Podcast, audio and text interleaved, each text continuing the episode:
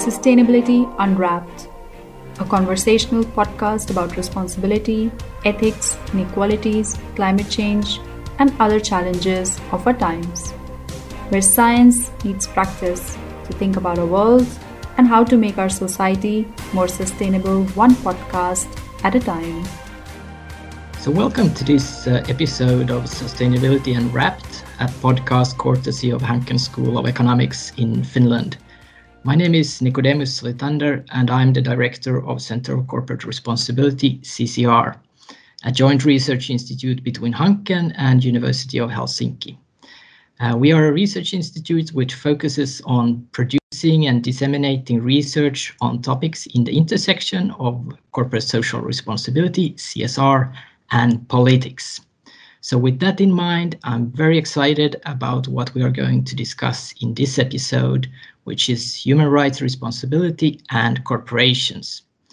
So, as a topic, I think this has been around for a really long time. Uh, I would also almost go as far as saying that perhaps for as long as the modern corporation has existed. So, some say that the Dutch East India Company, for example, was the first multinational corporation in a kind of proto capitalist uh, world. Uh, and at the same time, it was a corporation that made its profits through war, slave trade, and colonial dispossession at large. And it's not an exaggeration, perhaps, to say that these kinds of tensions, some more mundane and, of course, less extreme, in one form or another have existed throughout the 19th century, the 20th century, and the 21st century. Uh, the modern CSR discourse, I think, also rooted in very tangible questions about human rights and business. So think here something like Nike's supply chain issues in the 1990s with uh, child labor, or Shell's issues with human rights abuse in Nigeria during the same period, which gave birth to a kind of a report-driven uh, CSR discourse. Uh, what you know what goes on in, in the supply chain. So modern CSR, as we recognize today, has its roots in, in these kinds of human rights issues. Um, yet I would say that human rights issues, at least in Finland, for a very long time, has played a kind of second fiddle to environmental issues. Uh, certainly, it is not as well understood as environmental issues. And is that because human rights are not central to Finnish companies, or is that because they're they are harder to understand and perhaps also to solve than issues around pollution and other environmental impact? Or is it perhaps more about metrics and monitoring, or perhaps it is about politics? So, with that bridge to politics and the political, I am delighted to have with me today two researchers from Project Sihti, which stands for Status of Human Rights Performance in Finnish Companies, where CCR partakes as, as one organization. And it's a project under the Finnish government's research, analysis, and assessment activities. So, with those words, I wish to welcome uh, Jaana Vormisto and Suvi Halttula, who I have had the absolute delight to work with on during this uh, project, which is soon now in December coming to an end. So welcome, uh, Suvi and Jaana. It's really fantastic to have both of you here on the call for this episode. Um, I think everyone who knows me a little bit better knows that I'm really interesting, interested in contextualizing issues in history, not only research, but perhaps researchers as well. So I've been, uh, I, I, think I met Jaana Yu for the first time in, in a workshop around perhaps the extractive sector in Finland, uh, Finnish companies and human rights um, at a time when, when these issues were rather peripheral to the Finnish CSR agenda at large. So my first question actually to both of you is that what is your background and how did the two of you end up working with questions in this intersection around business and human rights? Thank you, Nico. It's a great pleasure indeed, besides to, to be one of the researchers in, in Sihti project, but also be able to today to discuss about these these issues with you and with my colleague Suvi. Um, well, about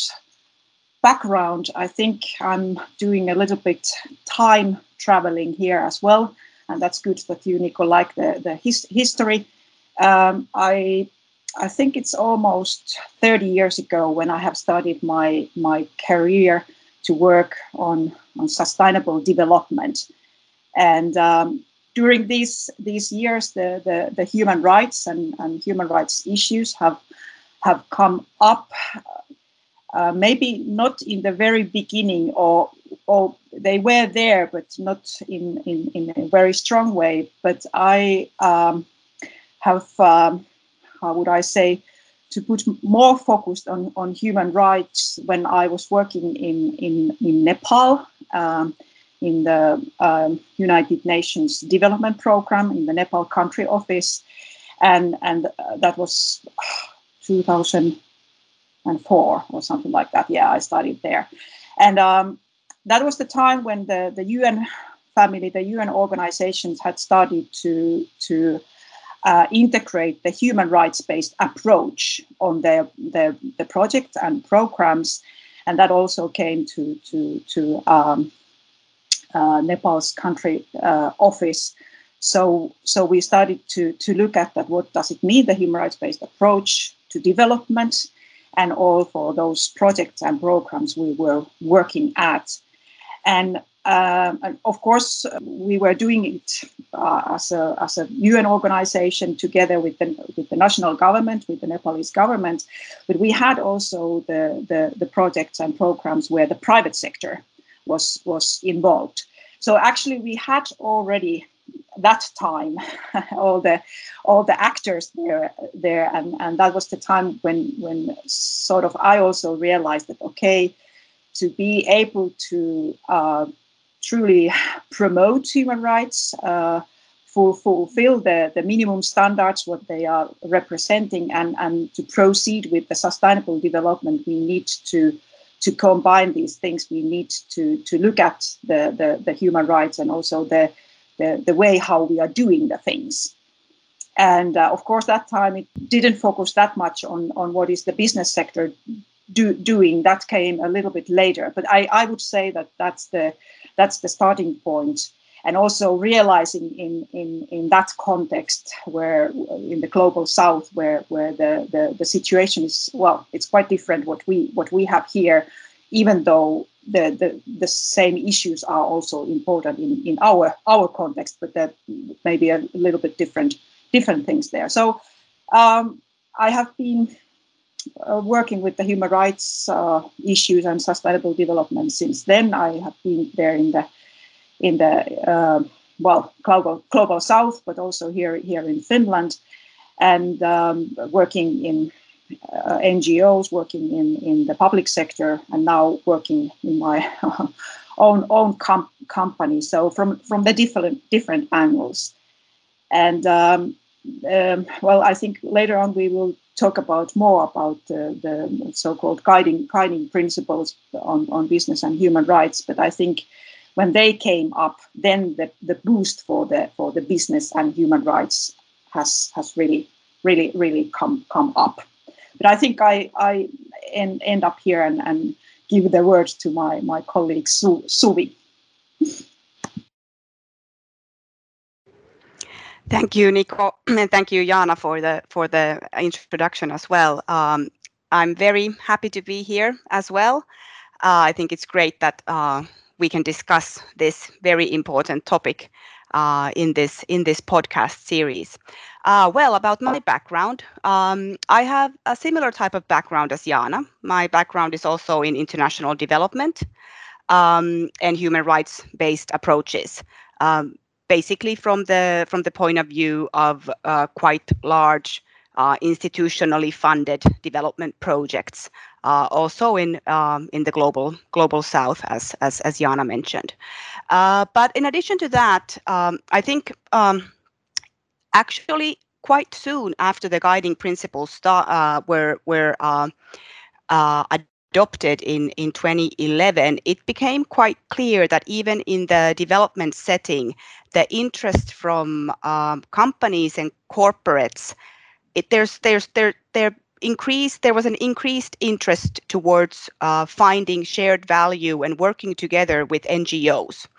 And, and I think this was uh, very clearly coming from the from the point of view that uh, uh if you start doing human rights due diligence um, as it is um,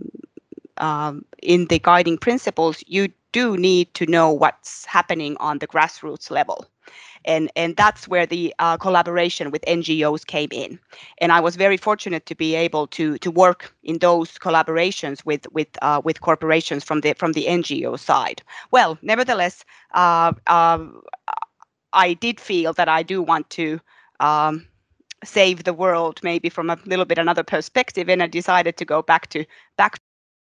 and, and did a master's degree on social responsibility and sustainability uh, in, in Aston Business School uh, in the UK. And during those studies, of course, uh, my mind complete, completely blew uh, what it means, uh, the, the respect for, for human rights for, for businesses. So, um, and now I'm an independent consultant in my own own consultancy, Three Ability Consulting,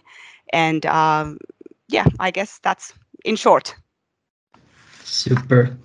Yeah, just a brief brief reflection before we go to the to the next question. I noticed myself having been involved in these these questions from a researcher perspective almost for a, a, decade now or a little bit longer that in Finland at least it seems that most people either have kind of your background Jaana and, and so we either in, in coming in from development sector or then kind of legal legal or very heavy legal uh, background that it's only in the last couple of years we, we see uh, perhaps an even more diverse set of, of, of backgrounds of, of the people who are sort of in in a, in a central way interested in these questions in in, in Finland. So that's uh, interesting. But going back now, not not hundreds of, of years to the East in, India, a Dutch East India Company, but just a, a decade back now. It's almost a decade now since the UN uh, launched uh, the guide, so-called guiding principles on business and, and human rights, which I think many recognize as a very central document that, that has shaped our understanding of business and, and, and human rights. And certainly, I think here in Finland has been very influential in the way that we, we think and talk about uh, business and, and human rights, both if we're talking about the researchers, but more so perhaps politicians and, and also business, how, how to understand that relation between business and, and human rights and how to make sense of that, which is not an easy question. I think everyone who has, has worked with that knows that it's it's very complex and, and, and can be very, very hard to to work with in a, in a practical sense. Uh, so can you talk just a little bit about why these principles and, and uh, why they are considered so central and, and important for uh, shaping the discourse and perhaps what its most important legacy uh, has has been? Yes, yes, indeed. Uh, the guiding principles on business and human rights, it's, it, it is uh, quite a quite a central when we are talking talking about this this issue. And and um, when when thinking thinking the uh, the content of the of the guiding principles and and what is the idea behind them they they are some kind of global standard for for for the um, business and human rights. So that, so they are they are they are trying to to besides prevent also the the the address address the the, the risks and and and the adverse human rights impacts the, the business might might have and and what they uh, what is their content is that they they define uh, the role of the, the state and, and the, the business, the com- companies, that when when we are talking about the business and human rights, so what is the role of the of the state there, what they should do, and what is the role role of the of the company.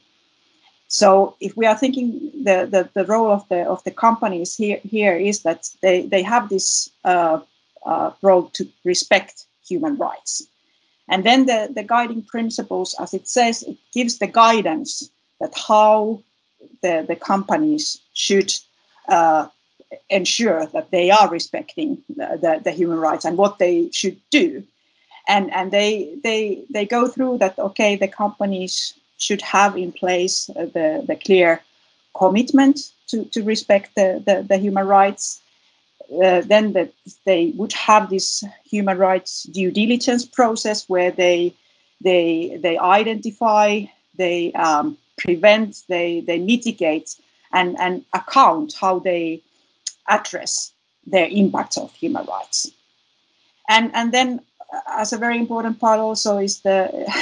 is is the the remedy remedy part also also that the, the companies have have um, uh, thought that and and that they are ready for the the remediation of any adverse uh, human rights impacts they they have caused or, or which they have contributed. So so that's in the in the in the nutshell the the the uh, guiding principles talks about the roles and then it gives gives the guidance for the companies that okay you should should do do these things and also um, I think should say that um, although the uh, if you look at the, the, the guiding principles it says there that these are voluntary guidelines. But we should keep in mind that um, First, they, they have been endorsed by the Human Rights Council in, in 2011, so the member states have been um, approved them, or, or, and, and, and so, so they have, in, in that sense, a certain uh, legacy. But then also the, the content, what is there in the guiding principles, it's not actually anything new in that they they they are based on the, the international and and and, and national uh, law, laws related to to and standards related to the human rights so so they they sort of um,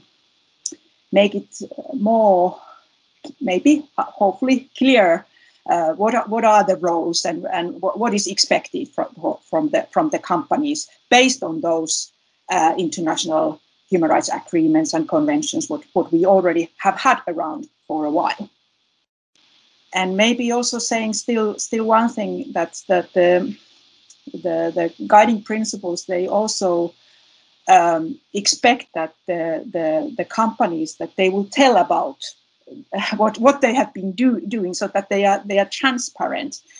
uh, and, and and report that how they have addressed these these human rights issues um, yeah, I, I, think if maybe Suvi, you have um, some other other other points, but I, I think the, this in in in nutshell.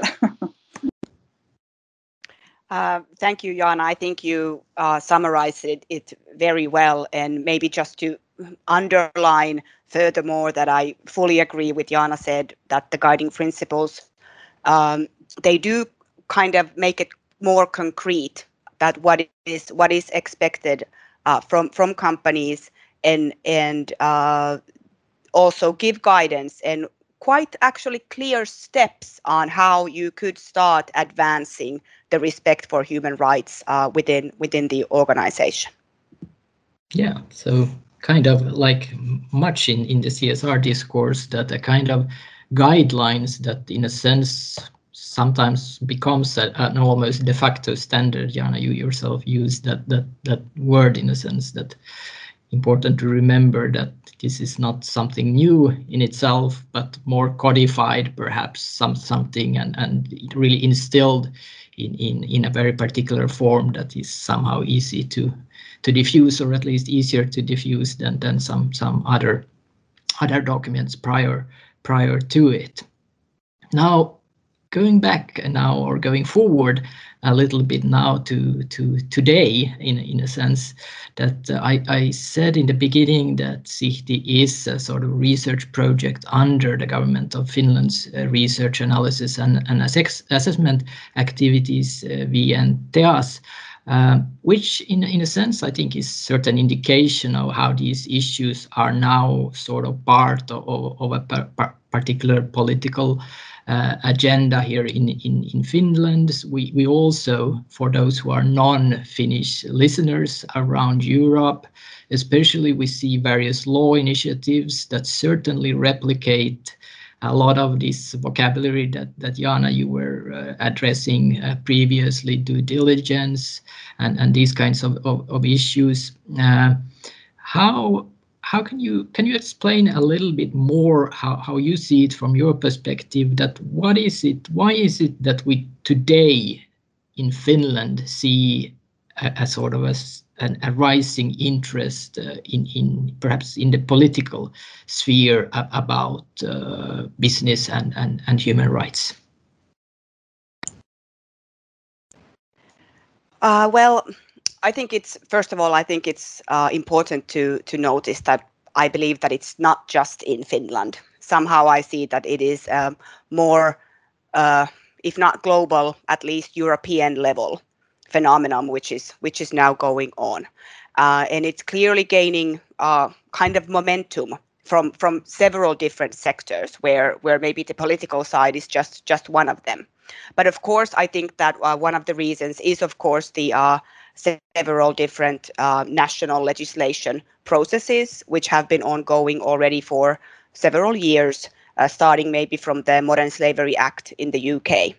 And then after that, we have the uh, due diligence law in France and the child labor law in in in in, in the Netherlands and and so on, and and several several other processes ongoing. And then not to forget, of course, the EU level um, processes which are which are also ongoing. I just just yesterday it caught my eye that earlier this week, I think it was um, was it on Tuesday, uh, there has been this uh, council conclusions on human rights and decent work in the global supply chains, which has been um, uh, given given out. So so clearly there is a lot of lot lot of uh, kind of um, I don't know, could we say that there is a need to to increase regulation? Uh, and and somehow it that that's how it's then of course then can be seen also in the in the political political side. Um, but then I think that uh, uh, besides this political sphere, I think it's very important to also take into account the very much rising uh, awareness from the corporate side and, and how the S in ESG is gaining more and more attention uh, within the corporates and then also from the investor side. And then, of course, we know that, uh, for example, in Finland, we have several uh, state owned companies, uh, which then, if we want to make the political link, it's, it's possible from, from that angle um, as, as, as well, of course. But, but clearly there, there is a um, lot of discussion going on that there's a need to con- concretize and, and to really measure that what is what is the S, what does the S stand for uh, in this uh, ESG uh, acronym? and and I think that's also one one of the reasons why overall this has gained so much more momentum in the in the in the current discourse. Um, of course, then not to also we can't forget the public awareness and especially con- those consumers or well maybe maybe not the consumers but those companies who are in the uh, consumer product or consumer service industry. They are faced with um, pressure coming from their external stakeholders the consumers their customers. And and that's also of course then uh, adding the pressure to to uh, have these issues more more in the, in the in the central. But Jaana, please continue. I think you you already uh, uh, paint the the scheme here. Um, I don't know. Mm, maybe say, saying that that um, even though we Finnish people are um, brave and uh, in many many ways and and doing doing say, thing, things but i don't know if we are always in the in the front line in in these type of issues if if i may say so. And i i think uh, may, maybe as as Suvi described that that the the, the attention what what these uh, business and human rights has has has uh, got in, in in Europe and in, in certain countries. We are here in Finland a little bit looking at the, okay what is what is happening there and and okay maybe this is something what we also have to have to th- th- think about and and, and as as, as we mentioned that the, the, companies especially I think those ones who have the global um, uh, supply chains and and and and so on they have already faced the uh, the pressure pressure and and because of all of that also here in Finland we have started to to think a little bit more more of these these these issues. Yeah, going back to what I previously said about my own anecdotal experience of going to various events and, and workshops and, and so forth over over a decade or, or so now that certainly five years ago or so you started to notice some some new people there who uh, presented themselves to be representing investors and pension funds and stuff like that, which I certainly had never seen in those kinds of uh, events previously. And now today they are kind of mainstay uh, in in those kinds of environments. So that's very uh, interesting also to notice just uh, this sort of changing nature of, of these questions and, and certainly testimony exactly what you were talking about that it has become part of, of the S in, in ESG risk assessment as, as well here in Finland and, and globally of course as well. So I think that's a good bridge with ESG, uh, environmental, social, and governance risk to talk a little bit about measurement, which is kind of also what we're trying to look at in the Sihti uh, project.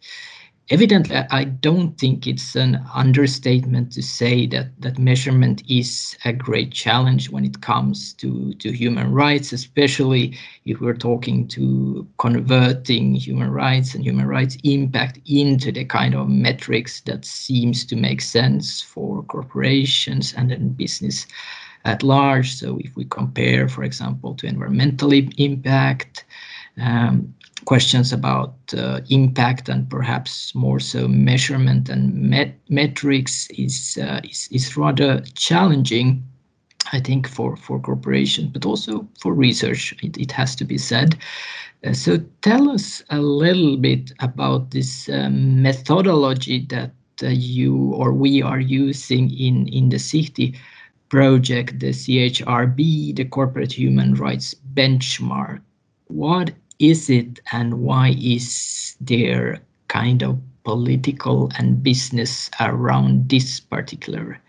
measurement and, and methodology?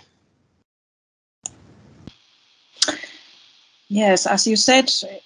this measurement business is not very, very e e easy, and I think the the, the corporate um, uh, uh, human rights benchmark has taken a, a, a, great move when when they established their organization. I think that was 2013, and and and decided that that they they will try to to develop and create uh, some kind of benchmark uh, that that would would measure the the uh, corporate um, human rights performance and and I think, uh, well, based on what what what they have been saying in uh, on their website, and and and we have also heard some of their presentations, they have had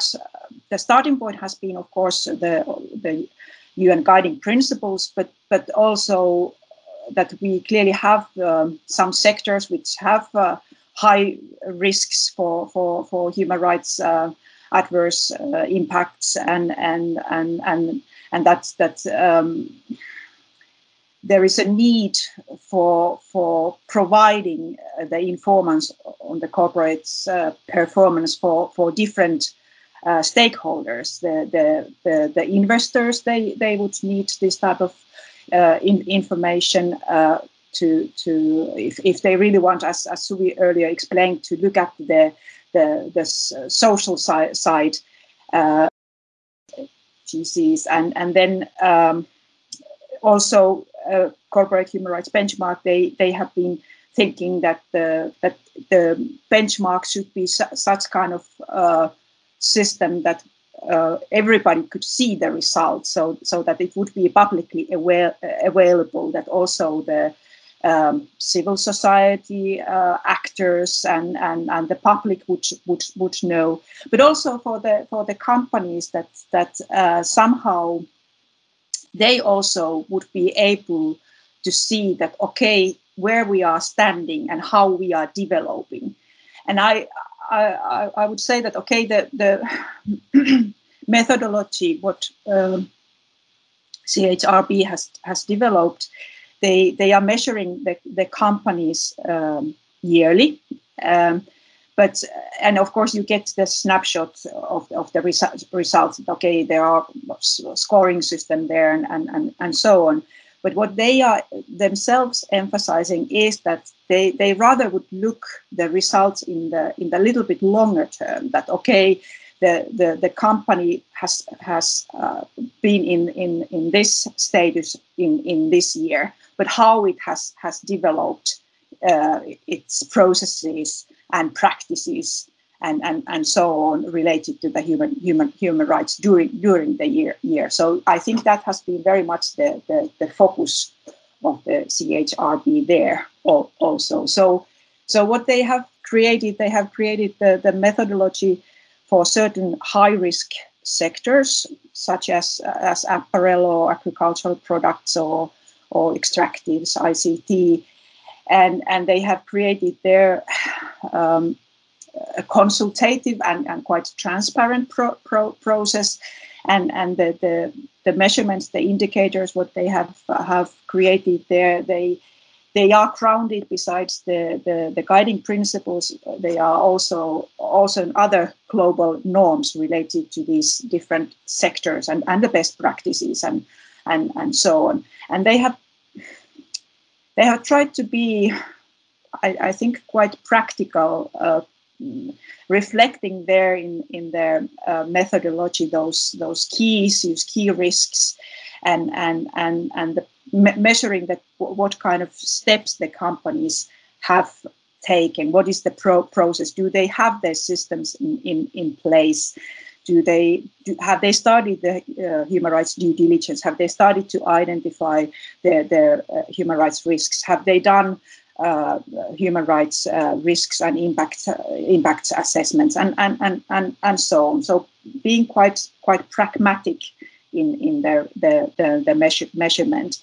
And and this way also um, encouraging uh, companies to to to use these results uh, as a as their own own guidance to to improve their their performance and at the same time providing this this information for for the for the la- larger or, or audience. They themselves um, emphasize that that they are focusing on the on the on the processes and, and practices and and that uh, they don't try to measure every everything and that, that, that, that they don't don't don't me- measure for example the quality of the of the of the different steps but but as as, as I said rather the the, the process. So uh, the system what they have created they they they have um, developed it uh, several years. They are continuously taking the feedback so it's still not maybe the ready tool but it's um, it has has gone through several rounds now and um, actually uh, there aren't so many many tools available uh, which would provide the, the similar type of, of, of, of set. So so that's that was one one reason why why we also ended up to to to use the CHRB methodology. Plus that since they have um, published the, the results, uh, uh, even though there are methodological differences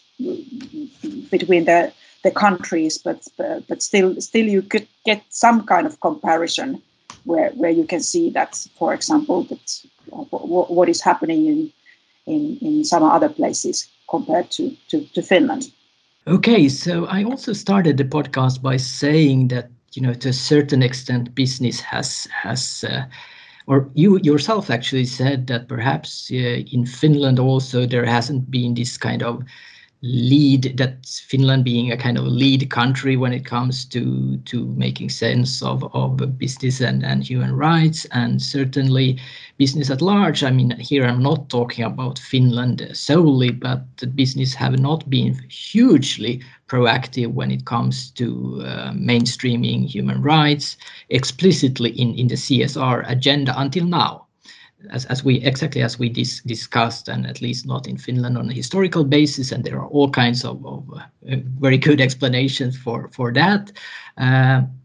but how do you see it? So, from the perspective of, of business, if we're talking Finnish business or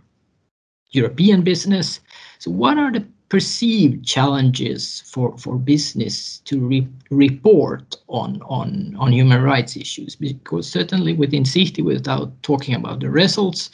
it replicates kind of what we see elsewhere as well, that, that there is a, a challenge and there is quite a lot of information that is missing in CSR reports at large when it comes to, to human rights issues. So what, what are the biggest challenges here? Well, this is of course something that we should address and ask ask the companies themselves. And this is this was actually one of the research questions in the in the Sihti project. But of course, now as the uh, project is still ongoing, um, I, I will not go into those results yet at this point. Um, but I think that um, on a general level, I, I have this feeling that there might still be some doubts um, in the company side that uh, are human rights disclosures relevant uh, in, to start with? Is it is it something that companies are expected to do, uh, or are any of their external stakeholders actually interested to to know about it, know about it? And this is quite contradictory to what I just said a few few minutes ago uh, concerning the kind of the the increased momentum around these issues and how also the investors are interested. But this is somehow maybe the feeling that you you might still get from the company side that they the last step kind of uh, maybe is not yet uh, realized that uh, this uh, this is actually very essential uh, information to disclose when we talk about uh, reporting. Um, but then at the same time, um, it's it's really important to to also uh, take into consideration that it's of course about prioritizing also, and and it seems also that companies are under quite a lot of pressure to focus their reporting, their sustainability reporting, uh, on issues regarding climate change and and this is something uh, where their uh, internal resources are very much focused at at the moment and also a lot of external pressure like uh, concretely felt external pressure is coming uh, on on those issues as well. So so um, i think it's only fair to also acknowledge that this is something also that the companies they do need to um, prioritize. But then uh, at the same time it is, of course, important also to consider the uh, internal resources and the internal capacity um, that the companies might have uh, regarding human rights issues, because that's also then naturally very very closely linked to on how the information is is disclosed or what kind of things are re- reported. Um, I think it's um, fair to say that there are still quite a limited amount of companies uh, who have taken the implementation of the UN guiding principles kind of seriously. Um, and, and they might be very advanced in their human rights uh, due diligence. And this, of course, uh, automatically shows in their reporting and how they disclose disclose the information. But uh, however, most of the companies, um, I feel that they are still uh, in quite early stages. And then if you take that into consideration, then again, it's quite natural that the reporting is still also uh, or might be quite narrow. From your perspective, I'm not here just talking about Sihti, but do you think that there in general is, is clarity in Finland among business and, and perhaps also among politicians? You know, what are included in, in human rights? What, what are the human rights and what are non-human rights issues? Do, do you think that we are talking about the same thing uh, here in Finland when different actors are, are speaking on, on human rights? I think that's also a very good point and, and, and question. Of course, for sure there are uh, uh, people who who know very well that that what we are talking about when we are talking about the human human rights and and and, and so. But um, I think during these years, what we have um, uh, no, noted is that there is this tendency that that um, the human human rights, of course, there are. If, if you look closer, there are quite a list of, of, of different rights, and and when we talk with the with the people, um, somehow you get the impression that people often uh, when they think about human rights, they, they think about the, the freedom of opinion and and, and uh, freedom of expression and, and, and or then if, if we are talking about more um, well uh, serious breaches is, is something like that that the, the, the, human rights prevent the torture or or, or, or genocide type of issues or these these really really uh, these type of um, civil and political rights in in, in, in human rights lang- language. But then maybe maybe less understood is that there are many of those economic and, and political and cultural rights um, things I, I, think I already mentioned, for example, that the right to, to education or, or, or that, that there is this uh, of living that, that are uh, presenting us a minimum standards of, of, of dignified human life. And I, I, I think that type of maybe understanding is is not necessary there when we when we talk about the, the human human rights. And and also interesting is that that of course when we are talking about the business and human rights um, and thinking thinking uh, for example the work conditions and and the, the, the human rights of workers um, sometimes also like the, the freedom of association or, or right to, collective bargaining or or child labor and, and forced labor issues. I mean, they are there in the ILO conventions and and and well, some people know, know, know some some people don't, but but in general, somehow these type of uh, human rights of workers they are not necessarily seen as human rights either for, for, for some some some reason. So I uh, to summarize, I, I think there is still still work to be done in that sense that that we have found this common ground that what we are talking about when we are talking about the human rights and and of course thinking now again the companies there are certain rights um, although the, all the rights are equally important, but for, for sure, when you have your business and you're doing certain things, you your your um, the risks are are maybe focusing on on more uh, certain type of rights. So it's very um, important also to look the context where the where the company is is is working and and what is it doing and understanding that what are the, in that sense, those those uh, central human rights risks and, and, and impacts, and and that that type of thinking is also maybe still there under development. Right. So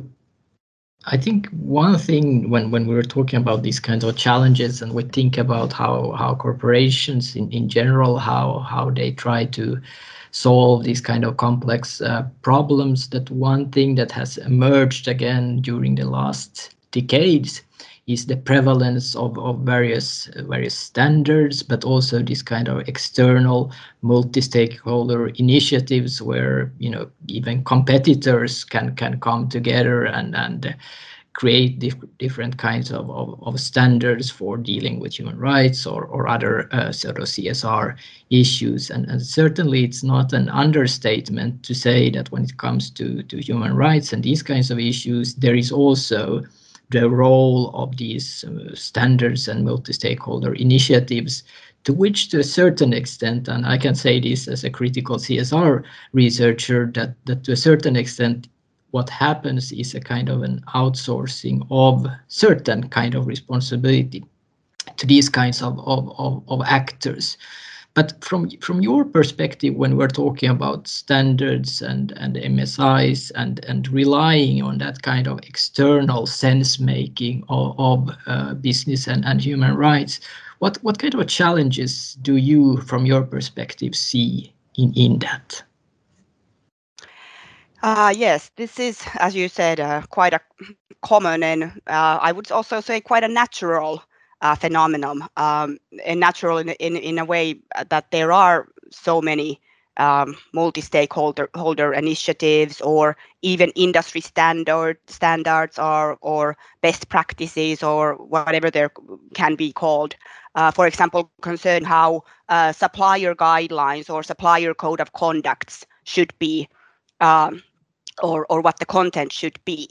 And, and adopting those uh, as such is, is of course a relatively easy way to get started. If you if you look at the uh, the way uh, the guiding principles um, or, or, or, how they talk about having the, the respect for human rights embedded in all the policies. So it's quite easy to adopt the ready-made uh, standards. But there are, um, I think, a few, at least a few aspects which which came to my mind that needs to needs to be considered. Um, uh, one is that